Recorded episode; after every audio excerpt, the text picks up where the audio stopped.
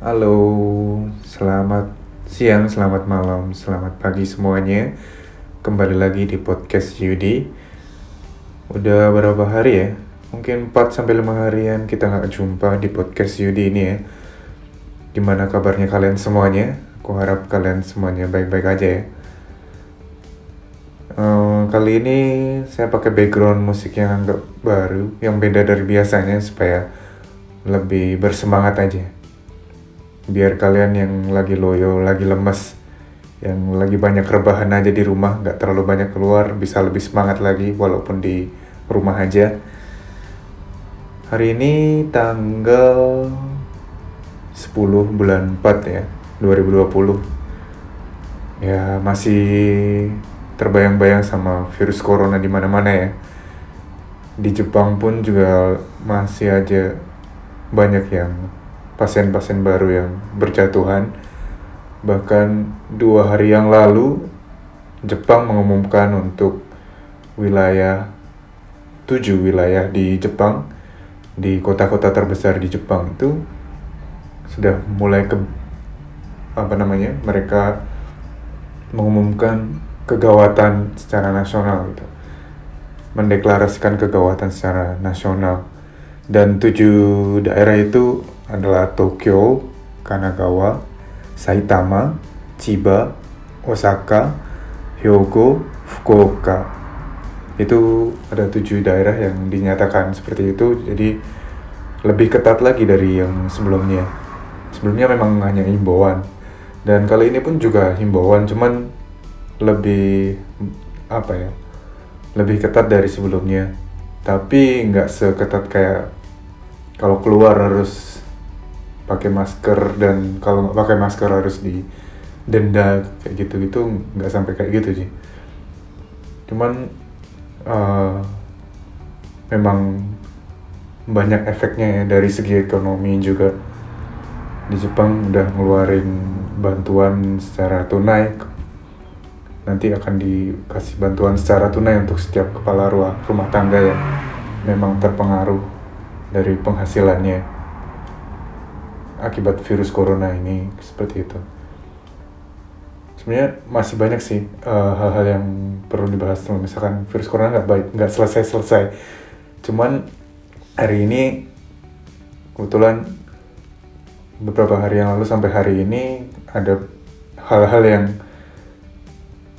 ada kabar baik juga ada kabar yang kurang baik juga sehingga aku nggak bisa nggak sempat untuk bikin podcast dan hari baru hari ini ini pun juga hari ini malam-malam aku bikin podcastnya. Ini kalau di sini udah hampir jam 9 malam sih. Dan ini pun di kamar satu lagi dan ini deket ke jalan raya. Jadi mungkin kalau misalkan ada suara mobil lewat ada suara suara sepeda motor lewat mohon maaf banget ya. Soalnya takutnya kalau di kamar yang sebelah nanti ada istri juga terganggu dia istirahatnya. Jadi gini ada kabar baik dan kabar kurang baik. Jadi aku mau ma kasih kabar baik dulu. Uh, setelah pindah bulan kemarin tanggal 11 akhirnya di setelah satu kali pekerja konstruksi datang dan kemarin tanggal 6 bulan ini tanggal 6 bulan 4 ini pekerja konstruksi yang kedua datang akhirnya di tanggal itu pun sorenya udah bisa untuk internetan di rumah. Puji Tuhan akhirnya bisa internetan di rumah dengan lancar kenceng banget. Nggak ada lag-lag apa-apa. Nggak ada buffer sama sekali. Jadi lebih betah di rumah juga. Nggak mau ke mana-mana. Seharian cuman tiduran mainan HP gitu. Itu salah satu kabar baiknya Terus kabar baik yang kedua adalah puji Tuhan, Tuhan luar biasa untuk kasih uh, mujizat keluarga kami. Istri saya sedang hamil dan luar biasa yang kami tunggu-tunggu akhirnya datang juga di keluarga kami. Uh, waktu itu satu minggu kemarin ya kayaknya eh, satu minggu? Mungkin lima hari enam harian kemarin. Uh, kita pergi ke klinik untuk klinik objin untuk cek kehamilannya mungkin masih 4 sampai 5 minggu. Tapi di apa namanya uh, eh, USG masih belum kelihatan gitu selaput janinnya. Jadi nanti minggu depan kita bakalan ke klinik lagi untuk cek lagi. Semoga semuanya bisa lancar bayinya sehat-sehat nggak ada gangguan satu gangguan apa pun biar semuanya bisa selamat. Dan harapannya semuanya lancar gitu ya sampai kedatangan kelahiran si anak kami berdua anak kami ini anak pertama kami ini ya. Terus yang ketiga uh, setelah menganggur satu bulan lebih akhirnya visa tenaga medis saya udah jadi. Dan hari ini barusan tadi pagi saya pergi ke imigrasi untuk ngambil apa ya istilahnya izin apa ya KTP gitu ya kartu tanda penduduk tapi untuk yang warga asing di Jepang dan statusnya udah bukan ikut dari yang dulu uh, sistem G2G Jepang tapi sekarang udah jadi um, apa ya viri visanya visa untuk tenaga medis gitu. Jadi lebih enak kalau kita mau misalkan mau pindah ke rumah sakit lain atau mau bekerja di seluruh Jepang di fasilitas kesehatan Jepang bisa gitu lebih enak. Dan gituan udah dapet. Nanti mungkin minggu depan atau dua minggu lagi saya bisa kerja. Dan juga ngomong-ngomong untuk tahun ini bulan 3 kemarin juga kelulusan. Ada pengumuman kelulusan perawat-perawat yang ikut ujian nasional perawatan Jepang. Selamat buat teman-teman saya yang tahun ini lulus. Semoga bisa lancar pekerjaannya sebagai perawat yang baru. Tuhan memberkati. Oke kemudian ada yang kabar yang kurang baiknya. Itu tadi yang kabar baiknya. Kabar yang kurang baiknya istri kemarin berapa hari kemarin hamil terus akhirnya kurang enak badan terus kemarin kebetulan tiba-tiba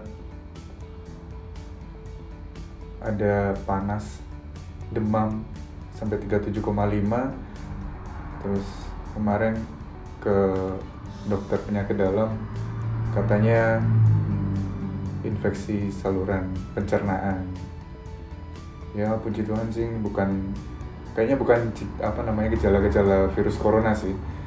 Karena nggak ada batuk nggak ada sesek nggak ada gangguan pernafasan. Cuman perutnya memang memang agak kurang nyaman gitu. Karena dia kan suka banget makan makan pedes gitu. Terus akhirnya minum obat dan libur dulu kerjaan hari ini dua hari ini libur besok juga kalau masih demam kayaknya belum bisa masuk kerja. Ya sedih juga ya istri lagi hamil tapi demam. Jadi nggak bisa aktivitas kayak biasanya. Terus kabar kurang baik yang kedua adalah sedih ketinggalan musim sakura di tahun 2020 sih karena tadi saya sempat kelu keluarnya agak jauh sampai ke Tokyo. Uh, lihat pemandangan di luar ternyata sakuranya udah habis sudah rontok semua udah ganti dengan daun yang hijau. Jadi udah habis semua nih gak ada bunga sakura lagi. Padahal saya belum lihat bunga sakura sama sekali tahun ini ya. Belum lihat langsung gitu. Belum lihat yang banyak. Kalau yang di pinggir jalan satu dua pohon sih lihat sih. Cuman yang bagus yang berjejer gitu nggak sempet lihat tahun ini. Sayang banget padahal bagus banget. Maka kalau lihat bunga sakura hanami namanya. Itu bikin sedih banget. Itu di sesi ini itu aja yang mau aku sampaikan nanti kita sambung lagi di sesi yang kedua ya. Terima kasih udah dengerin. Kita lanjut di sesi yang kedua ya.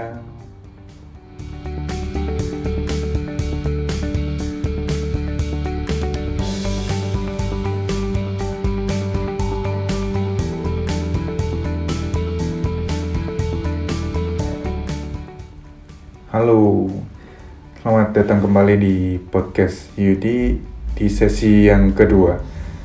Di sesi yang kedua ini mau cerita aja sih pengalaman aku hari ini waktu perjalanan dari rumah sampai ke imigrasi Tokyo terus balik lagi ke rumah ya. Hari ini pagi tadi aku berangkat jam setengah sembilanan lah.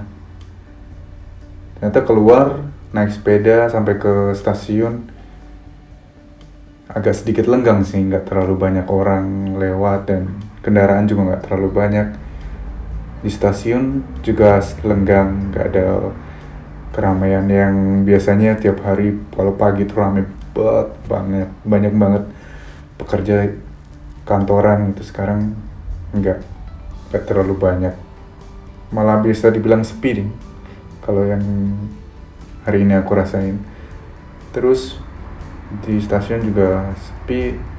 Dan di kantor imigrasi itu uh, apa ya ya lumayan kaget juga ya biasanya rame ngantrinya panjang banget lama gitu kan. Ternyata hari ini tadi waktu di kantor imigrasi di Tokyo yang di Tachikawa nggak terlalu antri-antri banget dan sepi nggak terlalu banyak orang. Mungkin karena yang datang ke Jepang pun karena berkurang ya karena Jepang udah menolak untuk kedatangan warga negara asing untuk sementara ini ya. Dan waktu selama dari Kanagawa sampai ke Tokyo kan naik kereta lumayan panjang kan perjalanannya. Nah di dalam kereta itu yang biasanya rame bahkan umpel-umpelan gitu ya. Nggak bisa duduk bahkan jarang banget bisa bisa dapat tempat duduk. Pasti berdiri. Hari ini ternyata saya sampai ketiduran karena duduk doang. Terus di dalam kereta sepi banget. Dan yang di dalam kereta ternyata yang saya perhatikan orang cuman orang-orang muda aja pekerja atau karyawan atau anak-anak muda yang mungkin keluar gitu. Yang biasanya ada nenek-nenek kakek-kakek yang naik kereta. Ternyata sekarang nggak ada sama sekali nih kayaknya. Yang umur 70 atau 80 tahun ke atas gitu biasanya kan masih ada yang naik kereta kalau di Jepang. Kalau hari ini tadi aku lihat sama sekali nggak ada kayaknya orang tua-tua itu dan ketika duduk itu mereka pasti ambil jarak gitu. Nggak mau berdekatan. Dan yang tadi aku lihat dan aku rasain tuh waktu naik kereta misalkan baris kereta itu kan ada yang deket jendela kan gini kan? Kayak kereta KRL nya apa nih KRL di Jakarta juga MRT apa sih namanya? Nah di kereta itu kan cuma dua baris gitu kan. Dan di satu baris itu misalkan ada dua orang yang duduk yang pojok kanan sama pojok kiri doang. Tadi juga saya waktu duduk di sana di bangku itu pun satu row. Bangku itu saya duduk di apa duduk di pojok dan teman bukan teman ya maksudnya orang lain yang duduk di samping saya tapi di pojok sana juga. Jadi jauh-jauhan gitu. Dan itu unik sih. Kayaknya orang Jepang udah sadar diri banget untuk jaga jarak gitu. Dan hampir 98% mereka pasti pakai masker. Dan yang saya lihat tadi paling cuman dua tiga orang yang saya lihat nggak pakai masker hampir semuanya sih pakai masker. Terus waktu itu kan perjalanan waktu selama di kereta. Oh ya ada lagi. Waktu dari kereta uh, waktu di perjalanan kereta yang pulang ada yang beda dari yang biasanya. Waktu di dalam gerbong gitu biasanya kan karena semua jendela tertutup rapat angin nggak akan masuk kan? Nah yang tadi itu kaget juga sih. Waktu duduk terus keretanya jalan kok dingin ya? Dingin dan anginnya kenceng banget. Apa ini AC-nya atau gimana? Waktu aku lihat ke atas ternyata di ada jendela kecil yang di atas itu dibuka. Jadi udara yang kelu apa udara yang di luar itu bisa masuk ke gerbong. Oh apa akhirnya aku mikir juga kan apa ini salah satu uh, bentuk upaya untuk mencegah penyebaran virus corona ya pikir gitu. Dan sepertinya sih memang benar sih dari gerbong itu sampai aku lihat ke belakang pintu yang di apa ya jendela yang di atas itu dibuka semuanya. Jadi buat teman-teman yang mau keluar terus naik kereta sebaiknya pakai baju yang hangat. Walaupun ini udah mau musim udah mau udah musim sih udah musim semi dan udah bakalan mulai hangat sih tapi masih ada angin dingin. Jadi kalau misalkan kalian yang gampang kena masuk angin sebaiknya masih pakai baju yang tebal dulu aja deh. Pakai jaket biar nggak masuk angin. Itu pengalamanku hari ini. Semoga uh, bisa jadi bermanfaat untuk teman-teman nge-share pengalaman aja sih. Dan aku harap semuanya teman-teman juga tetap jaga kesehatan. Jangan lupa istirahat yang cukup semua sama makan makanan yang bergizi juga. Jangan lupa olahraga. Oke itu aja dari aku di podcast ini. Sampai sini aja. Dan kita bakalan ketemu di podcast yang berikutnya terima kasih udah dengerin. Sampai jumpa